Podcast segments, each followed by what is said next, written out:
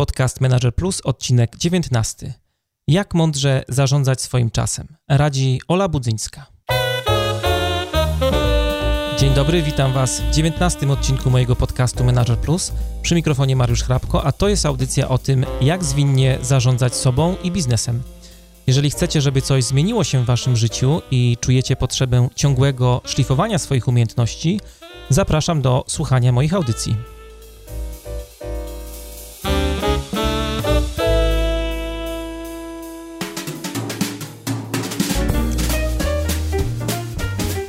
A w dzisiejszym programie będziemy rozmawiali o mądrym zarządzaniu swoim czasem. Czy mamy czas na wszystko? Większość z Was pewnie odpowie, że nie. Czy faktycznie tak jest? Postanowiłem trochę ten temat zgłębić i do programu zaprosiłem Olę Budzyńską, która mówi o sobie, że jest panią swojego czasu. Mnie to bardzo zaintrygowało i poprosiłem ją, żeby podzieliła się w tym podcaście swoimi doświadczeniami, które wiążą się z tym, jak zarządza swoim czasem. Bo kto jak to, ale pani swojego czasu na pewno wie, jak to się robi. Dodam jeszcze, że dla najbardziej wytrwałych wspólnie z Olą przygotowaliśmy w dzisiejszej audycji małą niespodziankę, Y, o której opowiemy pod koniec rozmowy. Także bądźcie wytrwali i wyczekujcie. A jeżeli spodoba Wam się ten odcinek, y, będę Wam bardzo wdzięczny za zostawienie swojej oceny, komentarza, gwiazdki w iTunes. Mam nadzieję, że nie jednej.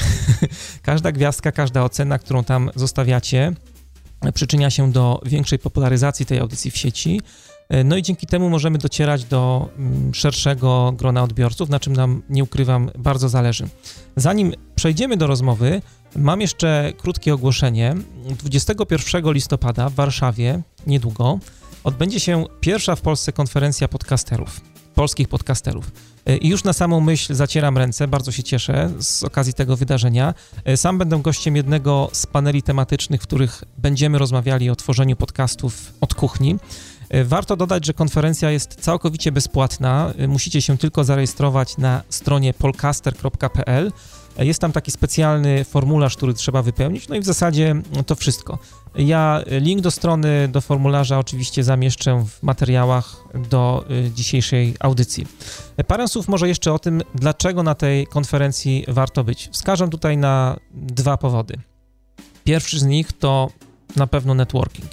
To jest pierwsza, tak jak mówiłem, tego typu impreza, wydarzenie w naszym kraju, gdzie spotyka się większość czołowych polskich podcasterów.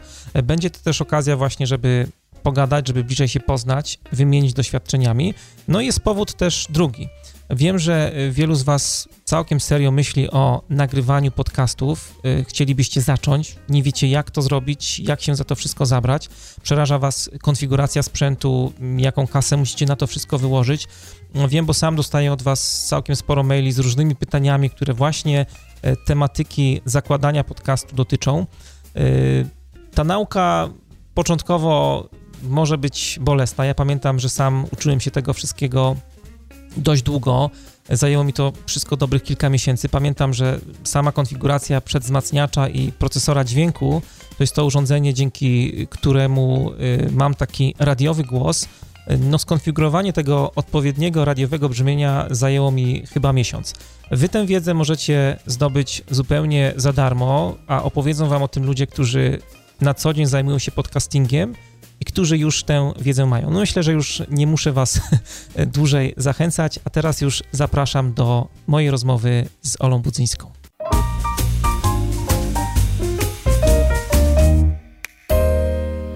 Rozmowa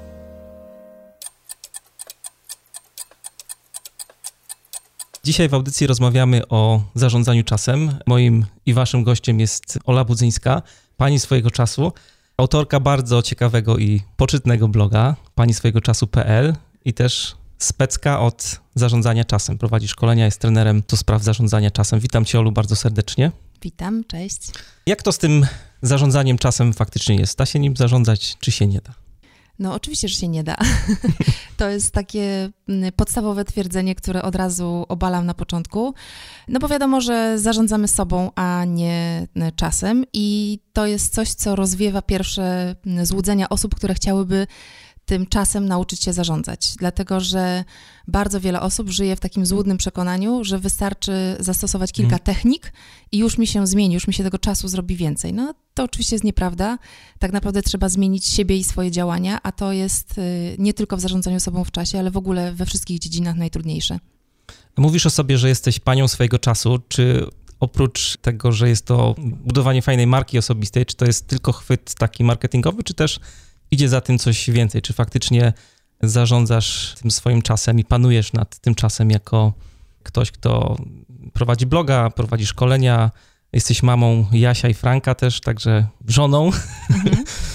No więc y, to wygląda tak, że ja y, panią swojego czasu, y, w sensie to hasło, nawet nie wymyśliłam jako markę, mhm. jako nazwę marki, tylko mm, po zdiagnozowaniu choroby u mojego syna, ja zaczynałam zastanawiać się, patrzeć na swoje życie tak trochę z zewnątrz i zobaczyłam, że faktycznie ja robię dużo rzeczy, ogarniam dużo rzeczy, i daję sobie radę. I wciąż mam takie poczucie i przeświadczenie, że robię to, co na, na czym mi zależy, to, co jest dla mnie mm, najważniejsze.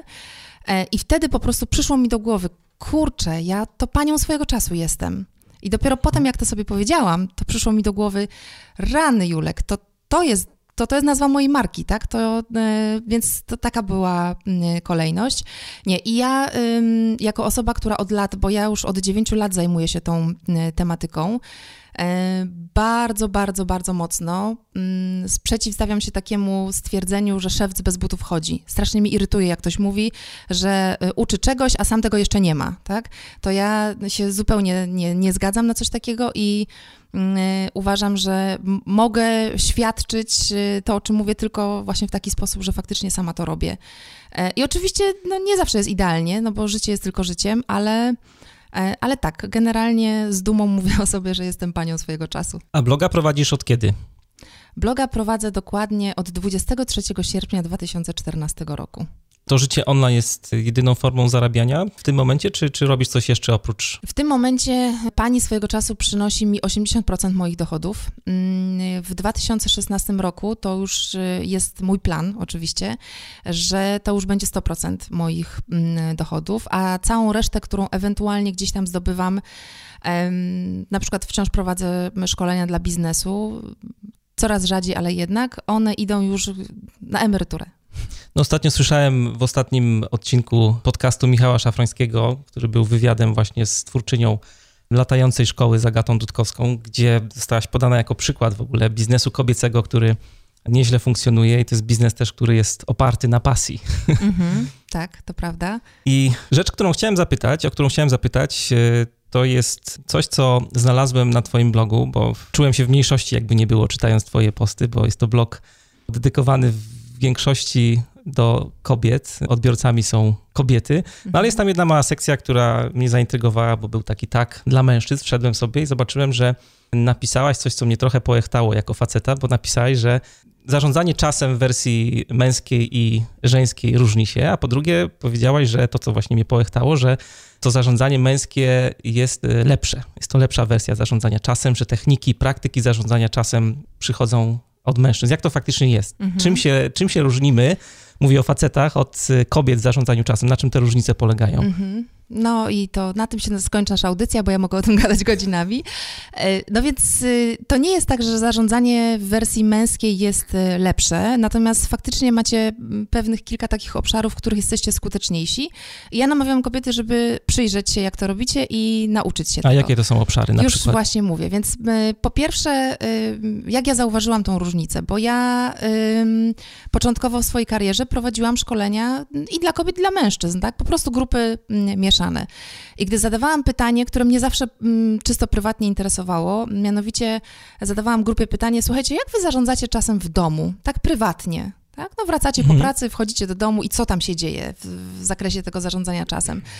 I wyglądało to tak, że mm, kobiety w tym momencie wpadały w popłoch i strasznie dużą ilość rzeczy mi mówiły, tak, że o rany boskie, to ja, wiesz, wychodzę, nie wiem w co ręce włożyć, bo tu obiad, tu coś jeszcze, tu trzeba ogarnąć, tu dzieci mm, o coś proszą, jakiś mm, muszę przygotować, zajęcia na jutro, no mnóstwo, mnóstwo spraw.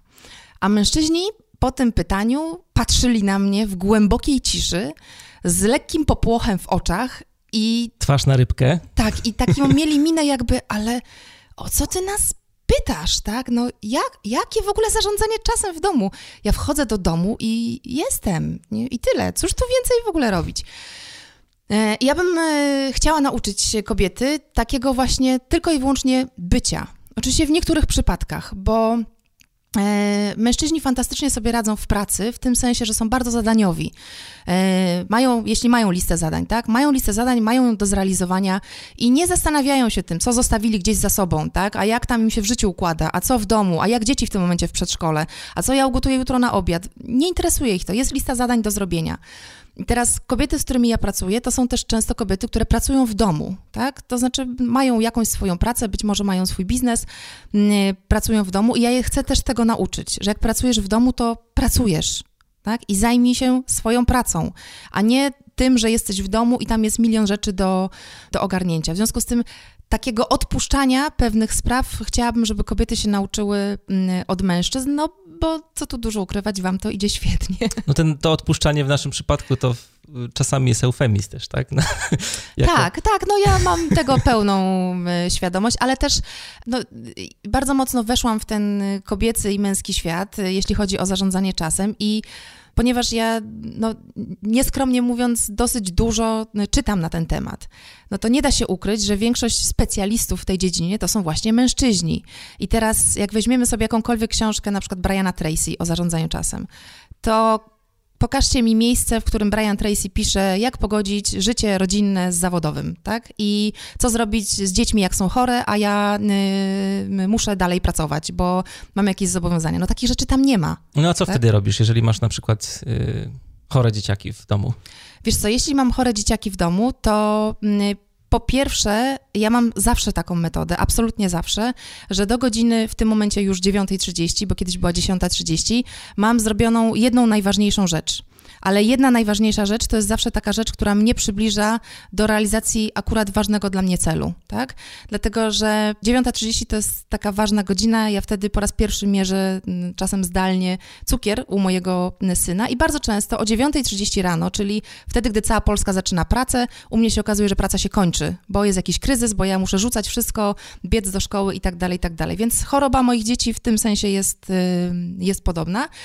I więc tak czy siak do rana mam załatwioną jedną rzecz, ponieważ mam też taką zasadę, że nie siedzę po nocach, wolę wstać wcześnie rano, czyli wolę pójść spać wcześnie i wstać o czwartej albo nawet o piątej rano, więc od piątej rano do dziewiątej to już jest naprawdę sporo czasu. A też y, ja nie lubię dużo pracować, mówiąc wprost i cztery godziny pracy dziennie jest dla mnie zupełnie wystarczająco. A jakie zasady zarządzania czasem stosujesz? O kilku już tutaj wspomniałaś, że na przykład starasz się załatwiać jakąś rzecz do 9.30, wcześniej to była 10.30. Co, co oprócz tego pani swojego czasu robi, żeby tym czasem zarządzać w ciągu, w ciągu dnia na przykład? Jak wygląda twój dzień? O, moje dni wyglądają bardzo różnie, jeśli o to chodzi, ale y, pewne zasady są y, praktycznie tak nienaruszalne. Więc tak, y, do tej 9.30 jedna ważna sprawa – i nigdy rano nie otwieram skrzynki mailowej. Dlatego, że w skrzynce mailowej są najczęściej e, wszystkie ważne sprawy, które inni chcą załatwić z nami, dla nas, poprzez nas itd. Tak itd. W związku z tym y, ja y, do rana, rano w ogóle nie kontaktuję się, można powiedzieć, ze światem zewnętrznym, czyli nie odpalam skrzynki mailowej, nie odpalam Facebooka. Telefon też? Mm, telefon tak samo. Y, wychodzę z założenia, że nic się nie stanie, jak ten świat poczeka powiedzmy do godziny 11 albo 12. Więc to jest coś takiego. Po drugie, to jest coś, co się dzieje wieczorem. Ja sobie zawsze planuję następny dzień i planuję go sobie w taki, można powiedzieć, specyficzny sposób, bo nie tylko piszę listę zadań, po prostu, które mam zrobić, ale też y, określam, e, no można powiedzieć, różne kategorie zadań. Czyli po pierwsze określam to, co absolutnie jest konieczne do zrobienia. Najważniejsze to są właśnie te rzeczy, które realizuję rano. Potem są te rzeczy, które jeśli będę miała jeszcze czas, to zrobię, czyli jeśli nic nie wypadnie, nic się nie mm, wydarzy. A potem mam taką kategorię rzeczy, które mogę odpuścić, czyli jeśli coś się dzieje, właśnie jest jakiś kryzys albo mm, wpada jakaś inna okazja, no to wtedy te rzeczy mogę mm, zostawić na boku. I chodzi o to, żeby nie rezygnować na łapu capu, tak? tylko żeby mieć wcześniej określone, z czego ja mogę zrezygnować ze swoim, w swoim planie dnia. I czasami też y, bardzo mocno wpisuję rzeczy, których ja tego dnia nie zrobię to po to, żeby się tego no, trzymać, tak, żeby sobie... Żeby to widzieć. Tak, żeby to widzieć, że dzisiaj nie, nie wiem, nie otworzę na przykład jakichś mediów społecznościowych do godziny 12, choćby się paliło i waliło. To mnie jakoś tak dodatkowo A nie kusi cię w trakcie? Jak cię kusi Facebook na przykład, co robisz wtedy? Wiesz co, nie kusi mnie mhm. tak naprawdę. Ja już wyłączyłam różnego rodzaju powiadomienia, czerwone gwiazdki, wpadające świetliki i różne takie cuda, dlatego że no, bardzo mocno widzę skuteczność swoich działań, jak ja tego nie mam. E, I tak naprawdę mało rzeczy się tam zdarza takich, które by powodowały, że mój świat się totalnie zmienia i jest coś niesamowicie fajnego. Bardzo szybko sobie uświadomiłam, że czy Facebook, czy jakiekolwiek inne media e, tak naprawdę walczą o naszą uwagę, bo to jest biznes, tak? No, to nie robią nam przysługi, nie robią nam przyjemności, tylko nasz czas, który my tam poświęcamy, jest po prostu walutą, którą płacimy za to, mm, co tam ewentualnie mm, dostajemy. E, więc nie, mnie to mm, nie kusi. Czasami wcześniej miałam problemy z telefonami, czyli jak widziałam kątem oka, nawet jak on był wyciszony, ale widziałam kątem oka, że ktoś dzwoni i że dzwoni ktoś istotny, tak? Ma coś pewnie istotnego do powiedzenia, to to, mnie kusiło, żeby się oderwać od tej pracy. A teraz to po prostu załatwiam w taki sposób, że ten telefon jest wyciszony, ale też jest oddalony ode mnie, więc ja ani go nie słyszę, ani nie widzę, ani nie czuję, że on gdzieś tam wibruje i coś ode mnie chce. A wspominałaś o tym, że nie zaczynasz dnia od otwierania skrzynki mailowej. Kiedy ją otwierasz i jak często w ciągu dnia? Hmm, staram się, i to jest takie moje docelowe działanie, żeby ją otwierać dwa razy w ciągu dnia. Czyli w okolicach y, powiedzmy między 10 a 12, bo to zależy też jak dany dzień akurat mm, y, wygląda, e, a później w okolicach 15, bo ja o 15 odbieram dzieci z przedszkola i z szkoły e, i później już, no już w ogóle nie sprawdzam, co się dzieje, aż do następnego dnia. W związku z tym, no to są takie dwie godziny, ale one są ruchome, to znaczy one są ruchome w zależności od tego, co się dzieje, tak, e, i czasami to będzie 10, czasami 12, czasami 15, ale tak jak mówię, to nigdy nie będzie 8 e, rano przed rozpoczęciem pracy, no i nigdy to nie będzie druga w nocy. Miałem e, ten sam problem. To było pierwsze takie moje starcie w ogóle z zbudowaniem nawyków u siebie. E, też opisałem to kiedyś na blogu właśnie, żeby sprawdzać maile dwa razy dziennie. Strasznie to było trudne, byłem uzależniony od smartfona, praktycznie non-stop sprawdzałem maile. No i trochę to trwało. Z miesiąc mi zajęło, zanim się oduczyłem mm-hmm. właśnie mhm. sprawdzania mm-hmm. takiego permanentnego maili. Teraz no, też godziny mam ruchome, natomiast zazwyczaj jest to jak y, pracuję w domu między 11 a 12 i czwarta, piąta to są takie dwie godziny, kiedy mm-hmm. sięgam do maili, do mhm. skrzynki mailowej. No to jest bardzo ciekawe, bo to tak naprawdę nie jest kwestia technicznego zagadnienia, tak? Bo to jest bardzo proste wyłączyć sobie, tylko to jest kwestia naszego takiego, no można powiedzieć, psychicznego uzależnienia od uwagi, którą dostajemy. E, bo po prostu ilość maili, którą my dostajemy, jest dla nas jakimś wskaźnikiem tego, że jesteśmy dla kogoś ważni, tak? Coś ludzie od nas e, chcą. E, I pewnie jakby się wydarzyło, że przez trzy dni z rzędu nie dostaniemy żadnego maila, to nagle byłby popłoch, tak? No, Co się dzieje? Tak. Skrzynka się popsuła pewnie, tak? No, nagle nikt nic do mnie nie pisze. Więc no, to jest takie właśnie uzależnienie od pewnej uwagi, którą ludzie nam dają. No ja miałem największy problem z tym, że cały czas wydawało mi się, że przeleci mi koło nosa gdzieś jakiś kontrakt, y, napisze klient, na którego nie zareaguje w miarę szybko, Totalnie, totalna fikcja to jest oczywiście. To jest problem w dużym stopniu mentalny i, mm -hmm. i mhm. nic takiego mm -hmm. się nie mhm. dzieje tak mm -hmm. naprawdę. Nawet ja... gdybyśmy raz dziennie sprawdzali te maile, to, to wszystko, wszystko mhm. jest ok. Tak. Ja mam w tym sensie taki komfort, że ponieważ wszyscy wiedzą, że ja się zajmuję czasem i wszyscy wiedzą, że nic nie robię na ostatnią chwilę, to cokolwiek ktoś y, ode mnie chce, zawsze wysyła z dużym wyprzedzeniem, tak? Bo ja yy, no, nie, nie reaguję, można powiedzieć, na zapytania, gdzie jest na jutro, na pojutrze albo na za dwa dni Tak? To, to zupełnie jest nie, nie, nie w moim stylu. E, oczywiście grzecznie odpowiadam, ale mm, generalnie wszyscy wiedzą, że z, z, dużym wyprzedzeniem trzeba się ze mną kontaktować.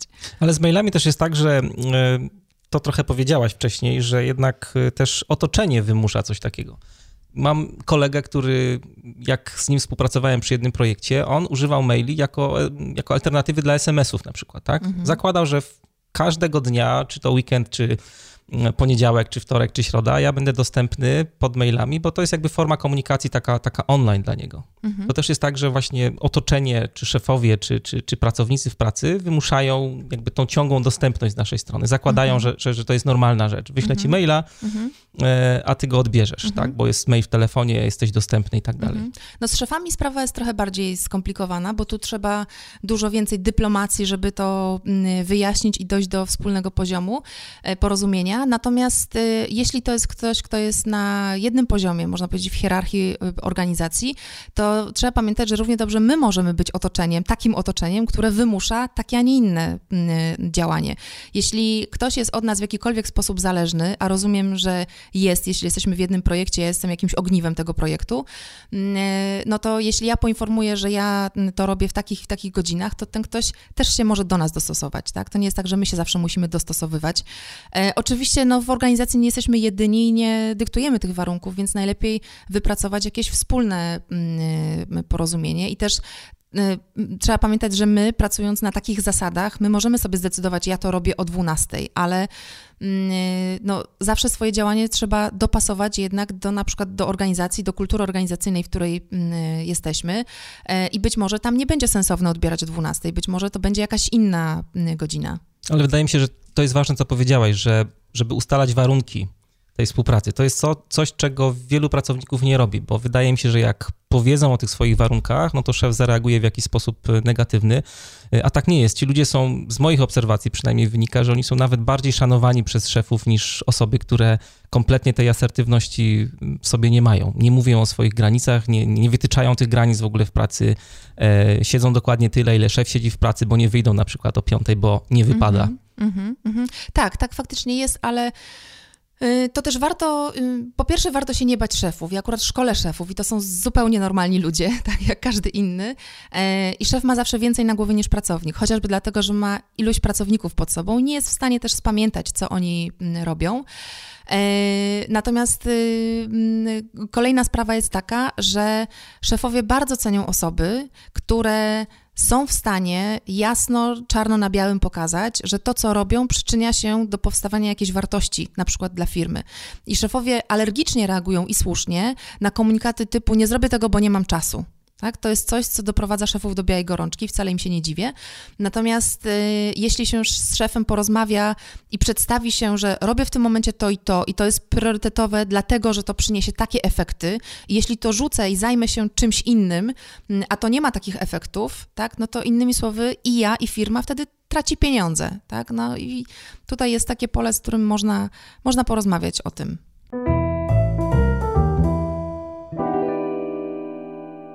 Wielu moich znajomych ma dużo fajnych pomysłów e, na robienie różnych rzeczy w życiu, na różne projekty osobiste, zawodowe, ale tak jak obserwuję, to mało z tych osób te projekty zaczyna w ogóle realizować.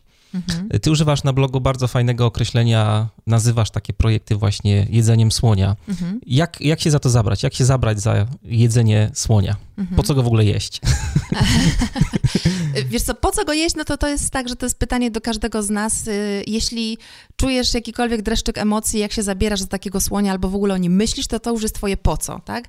No dlatego, że chcemy, że lubimy, no z bardzo różnych powodów chcemy coś takiego realizować. Ja też znam mnóstwo osób, które mają fantastyczne pomysły e, i one wciąż są w, właśnie w takiej kategorii mm, w obszarze pomysłów, tak? Nie przechodzą do mm, realizacji. Ja w ogóle e, zachęcam do tego, że jeśli mamy pomysł i chcemy zacząć go realizować, to żeby on przeszedł z fazy pomysłu do fazy planowania. I wtedy, bo w fazie planowania możemy coś z tym zrobić, a w fazie pomysłu możemy tylko się chwalić, że mamy fantastyczny pomysł. I teraz, dlaczego takie rzeczy są nierealizowane? Po pierwsze dlatego, że wciąż y, mówimy sobie i innym i światu, że chcemy to zrealizować. I to mogą być bardzo różne rzeczy. Takie przykłady, z którymi się kobiety do mnie zgłaszają, to, że chcą na przykład założyć bloga, tak? Albo chcą o, o firmę swoją otworzyć czy założyć. I teraz wpisują sobie w swój plan, założę firmę tak? To jest ten wielki słoń. Mm, słoń. Ale takiego działania, nie ma w ogóle takiego działania, jak założę mm, mm, firmę. To jest szereg różnych działań. W związku z tym takiego działania nie jesteśmy w stanie zrealizować ani w ciągu jednego dnia, ani w ciągu tygodnia. W związku z czym, jeśli sobie stawiamy taki cel, założę firmę, no to siłą rzeczy dzisiaj tego nie zrobię, bo nie jestem w stanie, jutro też nie, bo nie jestem w stanie i tak to nam się toczy. Rok mija, a my wciąż tego nie mamy. W związku z czym ja zachęcam do takiej bardzo mm, specyficznej mm, pracy, mianowicie mm, dać sobie godzinę, dwie na to, żeby usiąść, rozłożyć przed sobą ogromną płachtę papieru, taką wielką, jaką tylko mamy. I przez tą godzinę wyrzucać ze swojej głowy na papier wszystko, co nam przychodzi do głowy w związku z tym słoniem. Tak? Wszystkie pomysły, idee, działania, kogo muszę spytać, gdzie muszę pogrzebać. E, chodzi po prostu o to, żeby wszystko wyrzucić z systemu zwanego głową na system zwany kartką. I jak to mamy, e, to już przestaje nam się kołatać po głowie, że mm, o rany, znowu mam ten pomysł niezrealizowany, bo już coś zrobiłam, tak? Już gdzieś coś na tej kartce mm, jest. E, jak to mamy, to jest bardzo prawdopodobne, że w czasie tego wyrzucania nam już się zaczną klarować różne e, obszary, tematy, działania, terminy, harmonogramy, bo to się dzieje w trakcie. Ale jeśli nie, to ja wtedy każdy taki obszar, który jest tam gdzieś zapisany, zalecam, żeby Y, rozłożyć na działania, zmienić na działania, bo wciąż się okazuje, że y, na przykład dowiedzieć się, jak to robią inni, tak? No jest to, można powiedzieć, bardziej specyficzne niż założyć bloga, ale dowiedzieć się, jak to robią inni, to znaczy kto, i kiedy się dowiedzieć? I jak ja się tego dowiem? Będę dzwonić, będę szukać w internecie? Ile czasu na to poświęcę? Godzinę, pięć dni, pięć miesięcy? Czyli innymi słowy, od bardzo takiego ogólnego sformułowania idziemy coraz bardziej precyzyjnie, aż dojdziemy do zupełnie pojedynczych działań, tak? Czyli, nie wiem, sprawdzić najpopularniejsze blogi w internecie. No, wymyślam teraz, co by to mogło być. I jak to mamy, tak naprawdę mamy listę zadań, no to w tym momencie e, robimy z tego jakiś harmonogram, tak? Jakiś plan, ale plan w sensie określony w czasie. No i to jest e, dosyć trudne, dlatego że my mamy tendencję do zbyt optymistycznego planowania. I bardzo często okazuje się, że y, zaplanowaliśmy zbyt mało czasu na zbyt dużą ilość zadań. Więc ja mam proste rozwiązanie, mianowicie sprawdź, ile czasu uważasz, że potrzebujesz na to. Jeśli potrzebujesz miesiąc, to dodaj drugi miesiąc do tego a potem jeszcze dodać dwa tygodnie na sytuacje kryzysowe, nieprzewidziane, bo one i tak się y, wydarzą. A czemu dwa tak? tygodnie? Jest jakieś, są jakieś tutaj praktyki, ile procent tego buforu powinniśmy przyjmować? Czy są jest... praktyki, tak, są praktyki. Yy, dokładnie ten bufor czasowy to jest zasada 60 do 40, tak, czyli że 60% czasu powinno być zaplanowane, 40% czasu powinno być na te rzeczy nieprzewidziane, ale ja od lat współpracuję, pracuję z, z ludźmi i my, e, próbując się za coś zabrać, mamy fantastyczną umiejętność nie zabierania się za to. To znaczy się i na przykład łapiemy się różnego rodzaju technik. Aha, jest taki bufor czasowy. To ja teraz proszę bardzo, dwie godziny będę wyliczać, ile ja dokładnie tego buforu potrzebuję. I zamiast się zająć sednem, tak, czyli tym, co faktycznie mamy robić, to ludzie nagle wyliczają, ile dokładnie czasu, czy to jednak powinno być półtora tygodnia, czy to powinno być 16 dni na przykład. A to nie jest istotne, tak? Chodzi mm, o te... Mm, żeby taki bufor mieć po prostu. Tak, żeby taki bufor mieć i żeby on był większy niż nam się wydaje, że on, y, że on ma taki, a nie inny być. No dobrze, mamy projekt, który zaklasyfikowaliśmy jako dużego słonia. Podzieliliśmy słonia na kawałki, ale co dalej? Co z tymi kawałkami zrobić? Bo to też nie jest tak, że jak podzielimy jakiegoś słonia na, na mniejsze części, to, to jest nam łatwo, bo też jednym z problemów, które mamy, jest to, że tych zadań jest mnóstwo. E, jak sobie radzić z zarządzaniem listą zadań na przykład, jak te zadania planować. Mówiłaś o harmonogramie, żeby to mhm. jakoś poukładać, żeby myśleć o jakichś buforach, ale tak już bardziej praktycznie, operacyjnie, jakbyśmy mieli e, mhm. popatrzeć. Bardziej praktycznie, operacyjnie to jest coś, z czym wiele osób się tak naprawdę nie zgadza, ponieważ ja zawsze mówię, żeby planować w wersji e, jak najbardziej negatywnej. A co przez to rozumiem? Ja się absolutnie zgadzam z tym, że powinniśmy myśleć pozytywnie i być optymistycznie nastawieni, ale planować na te wersje negatywne. Dlatego, że my robimy wręcz odwrotnie. My planując, zawsze zakładamy, że wszystko pójdzie świetnie. Tak? Czyli, że jak planujemy na 8 godzin pracy, to dokładnie te 8 godzin pracy y, będziemy mieli. Tak? No przecież jak nawet planujemy gdzieś y, wyjechać, no to y, jak nam system GPS pokazuje 3 godziny, no to świetnie, 3 godziny zmieścimy się. Tak? Ale to jest wersja optymistyczna, że my tyle czasu będziemy mieli. Więc ja zakładam, żeby tą wersję pesymistyczną brać, jeśli chodzi o planowanie. I druga rzecz, dlaczego my się nie mieścimy z tymi planami i nagle nam te zadania puchną, jest taka, że my planując nawet na przykład te działania w tym y, projekcie, my zapominamy o całym życiu, które mamy. Planujemy tak, jakbyśmy byli w jakiejś takiej bańce i zapominali o tym, że mamy życie, że mamy rodzinę, że mamy inne zadania, że będziemy mieli obowiązki i że być może wpadnie coś, czego właśnie nie planowaliśmy.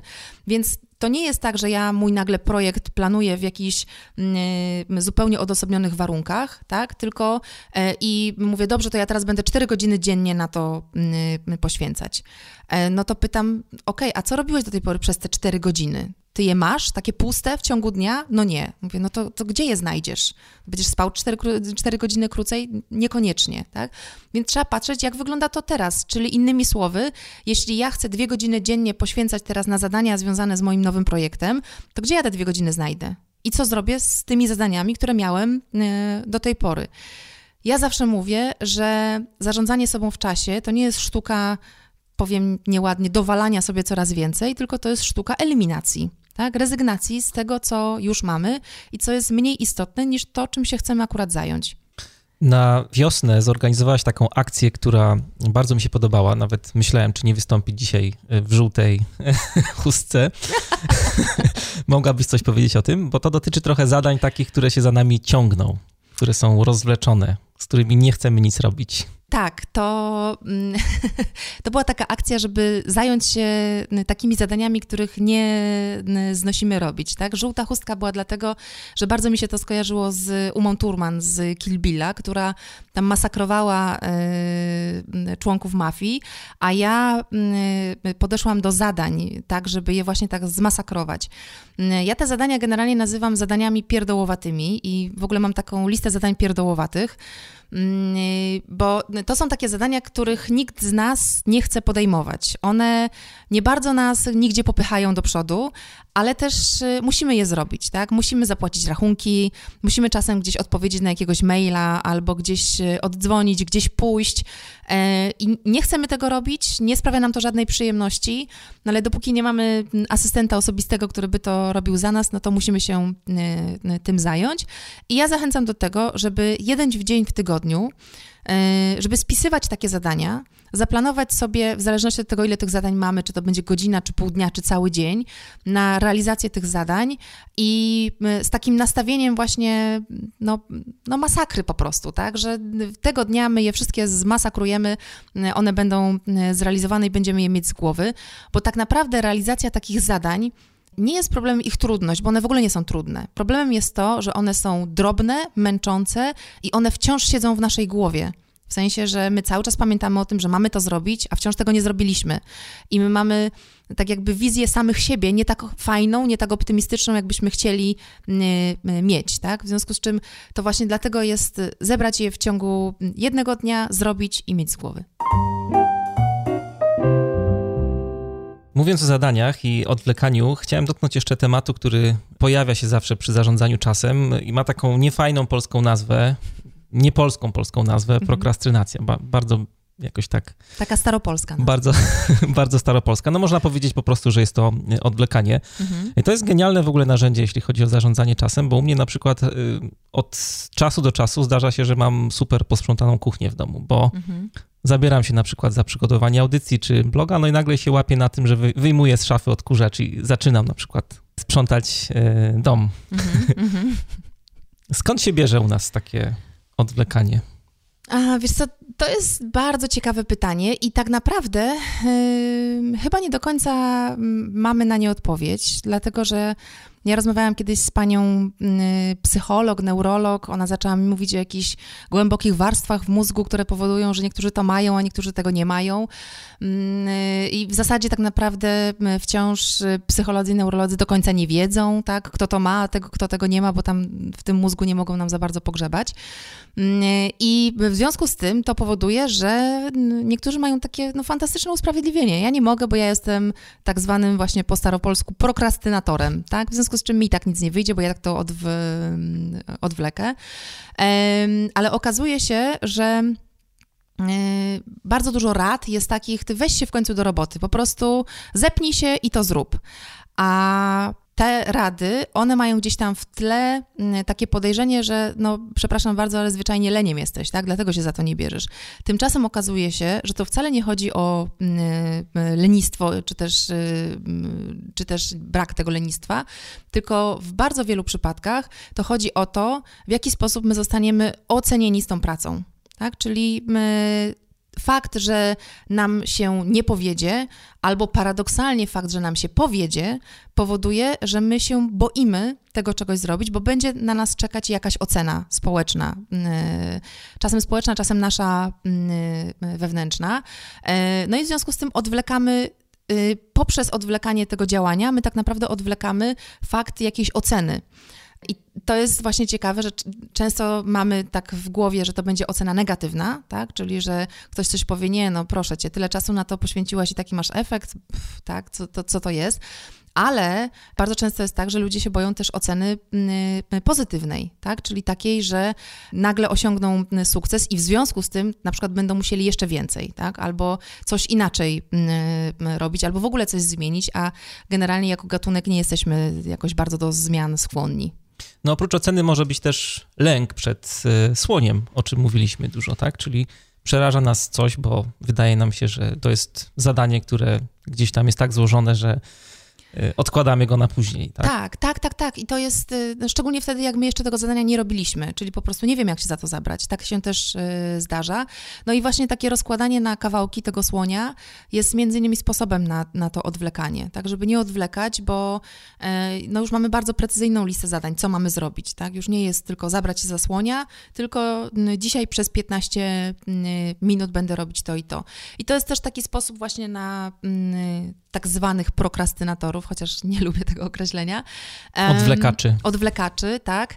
Oni mają absolutne przekonanie, że to, za co się mają zabrać, jest jakąś straszną orką na ugorze i zabierze godziny czasu. W związku z tym sposobem na to jest, dobrze, to zrób to przez 5 minut. A potem choćby się paliło i waliło, nieważne, 5 minut tylko. I teraz każdy sobie myśli, kurczę, no 5 minut, tak? No, ja osobiście mówię swoim klientkom, no nie, znaj- nie, nie wierzę, że nie znajdziesz 5 minut. No nie wierzę, tak? Jak idą zaparte, mówią, nie znajdę 5 minut, mówię 2 minuty w takim razie. Zrób to przez 2 minuty. No i okazuje się, że jak już zaczniemy, to potem już jest trochę łatwiej. Taką metodę stosują pracownicy często w firmach, jak się z szefem chcą spotkać. Masz 3 minutki? Tak. Gorzej jak szef jest asertywny i mówi mam trzy, a po trzech mówi dziękuję, czas się skończył.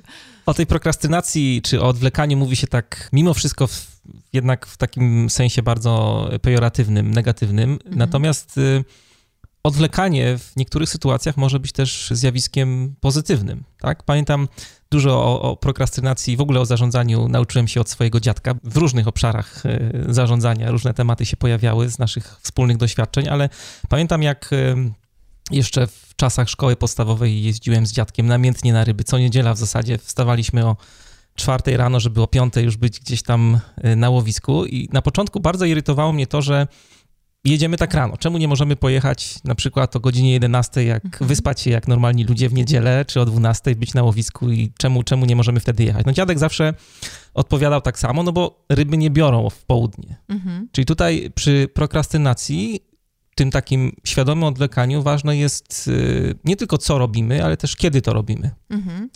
I chciałem trochę y, zaczepić o to świadome odwlekanie. Kiedy, kiedy takie myślenie last minute ma, ma sens? Kiedy, kiedy to się przydaje? Kiedy powinniśmy odwlekać właśnie? Mhm.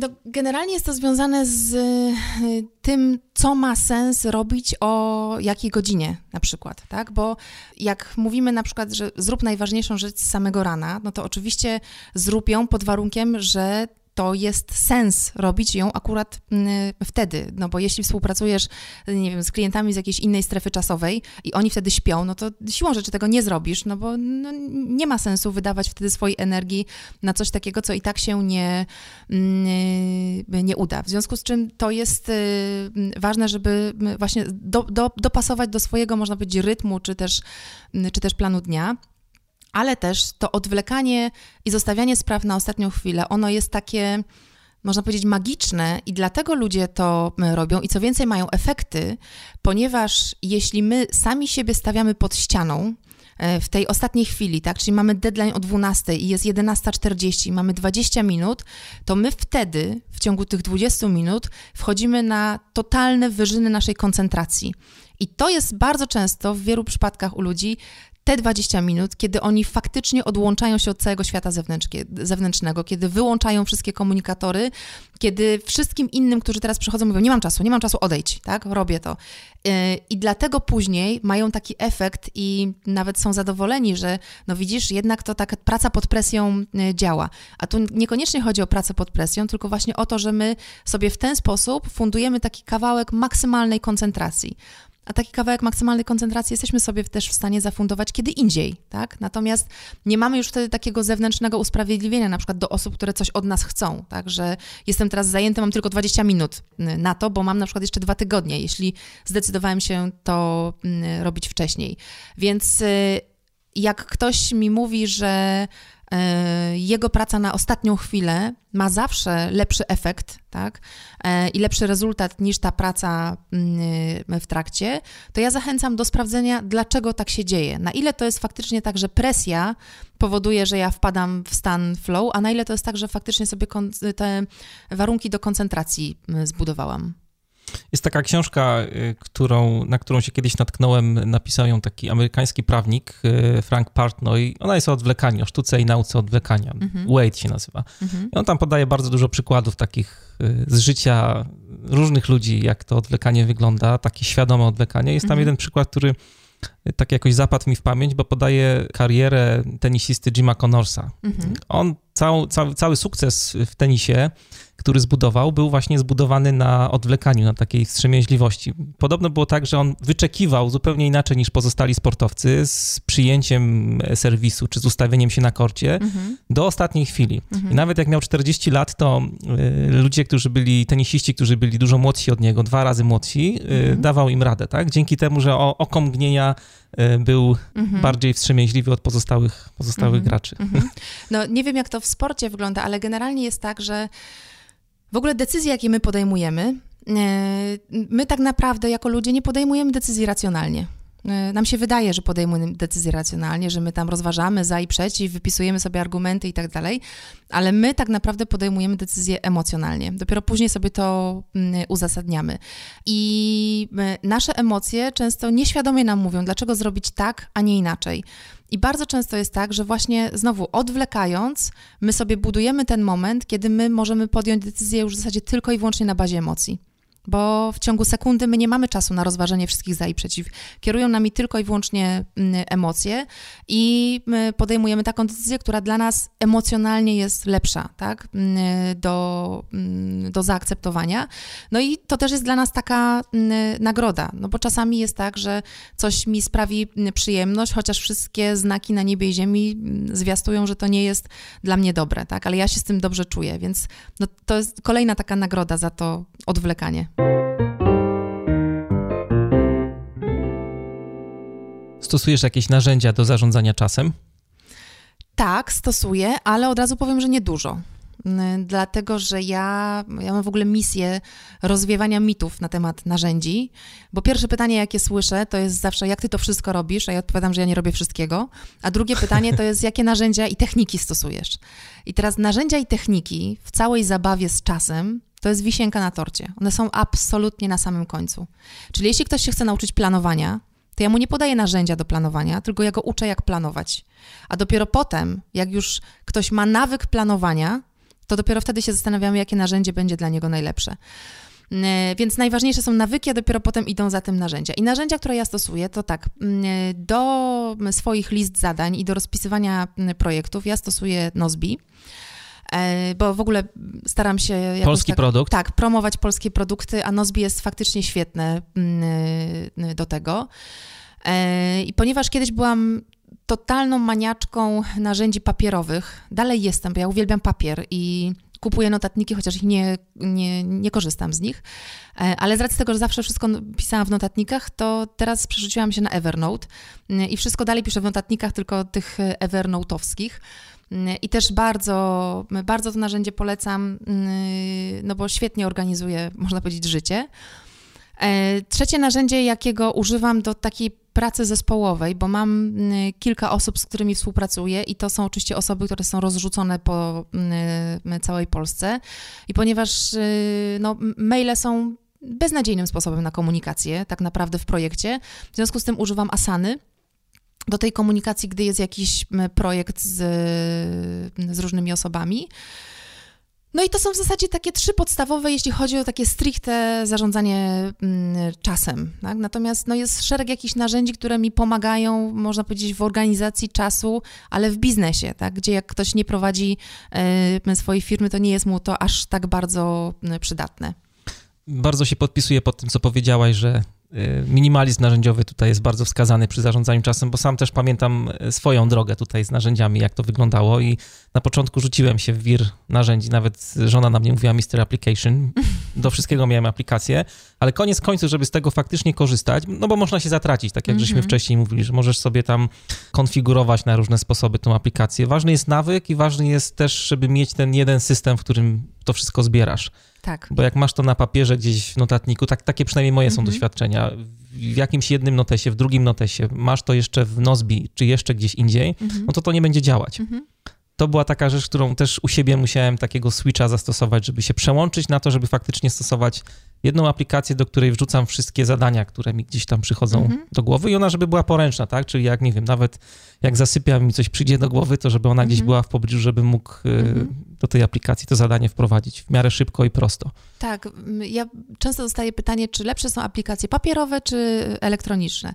A to pytanie nie ma tak naprawdę sensu, bo to zależy od tego, jaki my styl życia prowadzimy. I teraz może być ktoś, kto ma tylko i wyłącznie jeden notatnik, nawet nie kalendarz, tylko notatnik i wszystko tam ma. I to jest super, tak? Nie, nie potrzebuje mm, więcej. Jeśli wszystko ogarnia w tym jednym systemie zwanym notatnikiem, świetnie. Najgorzej jest wtedy, gdy ktoś ma w telefonie coś innego, w komputerze coś innego, dwa notatniki, kalendarz, planer, mm, karteczki mm, postitowe i jeszcze luzem jakieś karteczki i jeszcze znam osobę, która na nadgarstku sobie zapisuje zadania.